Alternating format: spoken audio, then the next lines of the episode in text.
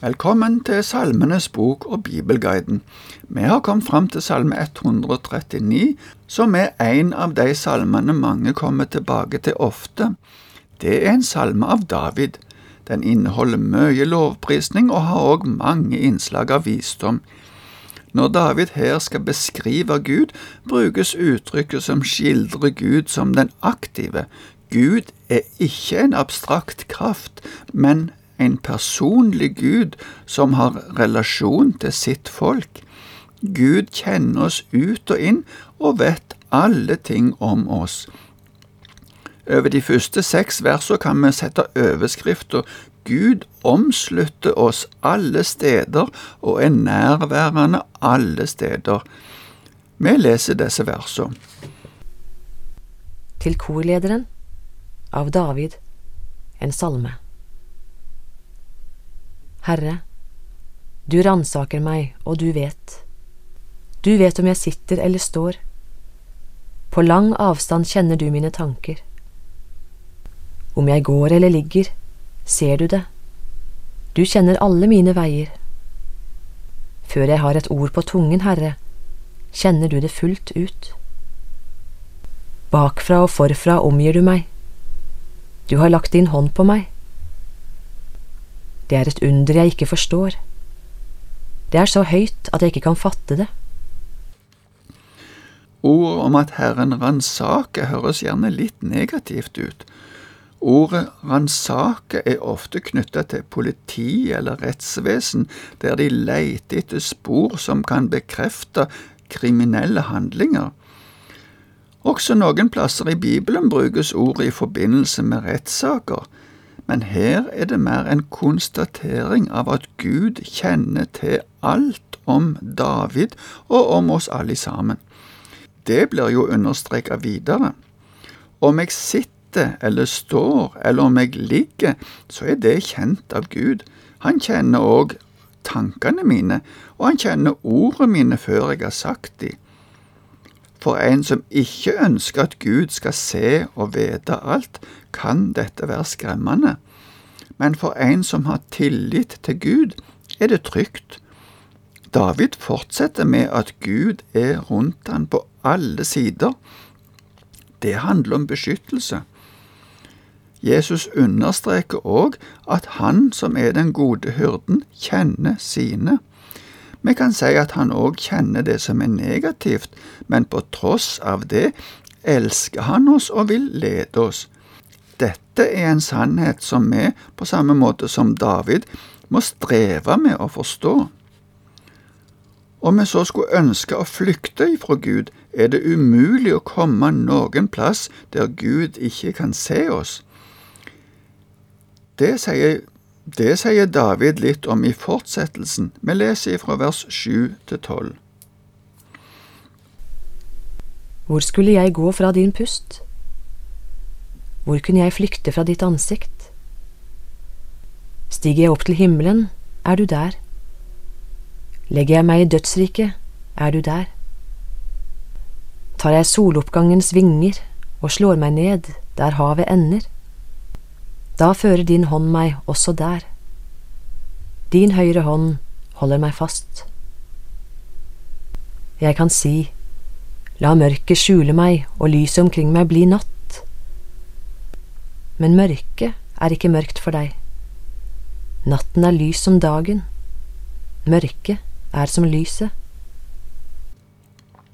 Jeg tror ikke vi skal oppfatte disse ordene som et ønske fra David om å flykte fra Gud, men heller en lovprisning av at Gud er alle steder. Det ser vi tydelig når David nevner din hånd, altså Guds hånd, og legger til høyre hånd. Det handler om beskyttelse. Gud hjelper med sitt nærvær. Under ørkenvandringen var det ofte nevnt Guds høyre hånd som førte Israel. David nevner her òg at Guds hånd holder han fast. Det betyr at han hindrer han fra å falle. Mørket kan hentyde til døden. Det er det stedet en kanskje tenker at Gud ikke er til stede, men sjøl ikke mørket hindrer Gud. Da alt var mørkt i skapelsen, så sa Gud bare et ord, bli lys, og så blei det lys. Apropos skapelsen, det er det David fortsetter med. Da er det detaljene i skapelsen av mennesket han understreker, og viser hvor fantastisk gjennomtenkt Guds visdom er. Vi leser ifra vers 13 til 18. For du har skapt mine nyrer, du har vevd meg i mors liv. Jeg takker deg for at jeg er så underfullt laget. Underfulle er dine verk, det vet jeg godt. Knoklene mine var ikke skjult for deg da jeg ble laget på hemmelig vis og vevd dypt i jorden. Dine øyne så meg da jeg var et foster. Alle dager er skrevet opp i din bok. De fikk form før en av dem var kommet. Dine tanker, Gud, er dyrebare for meg. Summen av dem er ufattelig. Teller jeg dem, er de talløse som sand. Blir jeg ferdig, er jeg ennå hos deg. David understreker Guds gjerning helt tilbake til mors liv. Livet, mennesket, har identitet allerede der for Gud, og det bør det òg ha for oss. Du har vevd meg, som David sier i vers 13 her, bruker et uttrykk som også blir brukt i Jobbs bok 10.11, om hvordan Gud former mennesket. Vi ser for oss et nøyaktig arbeid som utføres. David takker Gud for dette, og kan ikke la være å undre seg over hvor fantastisk flott mennesket er sett sammen. Det som her oversettes med på hemmelig vis, blir i noen andre bibler oversett med på kunstferdig vis. I begge tilfeller beskriver dette at det handler om at David ser på dette som noe som bare Gud kan få til. Utviklingen av et foster var noe de så på med ærefrykt. Uttrykket vevd kommer igjen, og så fortsetter det med dypt i jorden, men det er fremdeles snakk om fosteret, så det er klart at dette er billedlige eller profetiske uttrykk for det som skjer i livmora. Det har ingenting å gjøre med det uttrykket som vi har og gjerne kaller moder jord. Allerede fosteret er i Guds tanke og Guds omsorg. Hele livet er kjent for Gud før det har begynt. Her er vi inne på et vanskelig tema. Vi kan ikke gå så mye inn på det, men Bibelen sier at Guds tanker for oss er til det gode. Han vil at alle skal bli frelst, og han vil at vi skal leve etter hans vilje.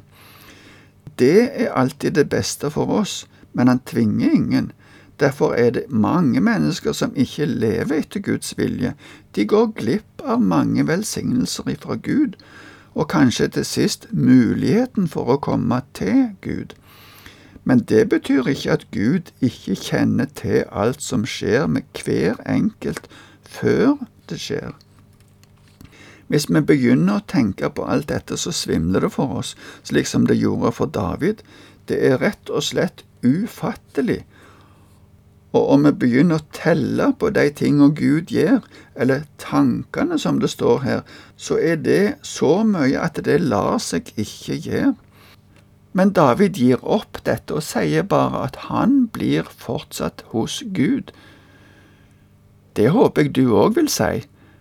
Mye av det Gud gjør og tenker er uforståelig, men det er allikevel det beste å alltid være hos Han. Verden er ikke bare god, og derfor har David et ønske om at Gud må gripe inn. Vi leser litt videre ifra vers 19 til 22. Gud, om du ville drepe den lovløse, om drapsmennene vek fra meg. De taler svikefullt om deg, dine fiender sverger falskt. Herre, jeg hater dem som hater deg og avskyr dem som står deg imot. Jeg hater dem med et grenseløst hat, de er blitt mine fiender. bønn om at Gud må drepe den lovløse eller de onde, som Norsk Bibel oversetter det med, høres brutalt ut, men det er uttrykk for et ønske om at Guds gode vilje ikke må bli hindra. David hadde mange motstandere, og han ber Gud om hjelp til å beseire dem. Vi ser at David ikke bare gjør dette sjøl, men han ber Gud om å gjøre det. Det er Gud som skal sørge for hevn der det er nødvendig. David syns det er vondt å oppleve at det er mange som er Guds fiender. De siste versene i salmen er ei bønn vi trenger å be stadig. Det er verset 23 og 24. Vi leser deg. Ransak meg, Gud, og kjenn mitt hjerte. Prøv meg og kjenn mine tanker. Se om jeg følger avguders vei, og led meg på evighetens vei. David begynte salmen med at Gud ransaker og kjenner alt om meg. Her er det ei bønn til Gud om at han må undersøke alt i Davids indre. Hensikten for David var at han ønska å bli leda på evighetens vei, altså inn til det evige livet. Det som settes opp som alternativet i salmen, er i denne bibelutgaven oversett med avguders vei. Norsk bibel og Bibelen fra 1930 oversetter det med fortapelsens vei. I bibelutgaven fra 1978 så står det Den onde vei. Jeg syns kontrasten kommer tydeligst fram om jeg ber Gud om at han må undersøke om det er noe hos meg som fører meg i fortapelsen, og så ber jeg om at han må hjelpe meg å fjerne det, slik at jeg kan komme til Han i evigheten. Jeg håper du som lytter i dag også har det ønsket at du må jeg håper du som lytter i dag også har det ønsket at du må få gå på evighetens vei sammen med Jesus. Herren velsigne deg.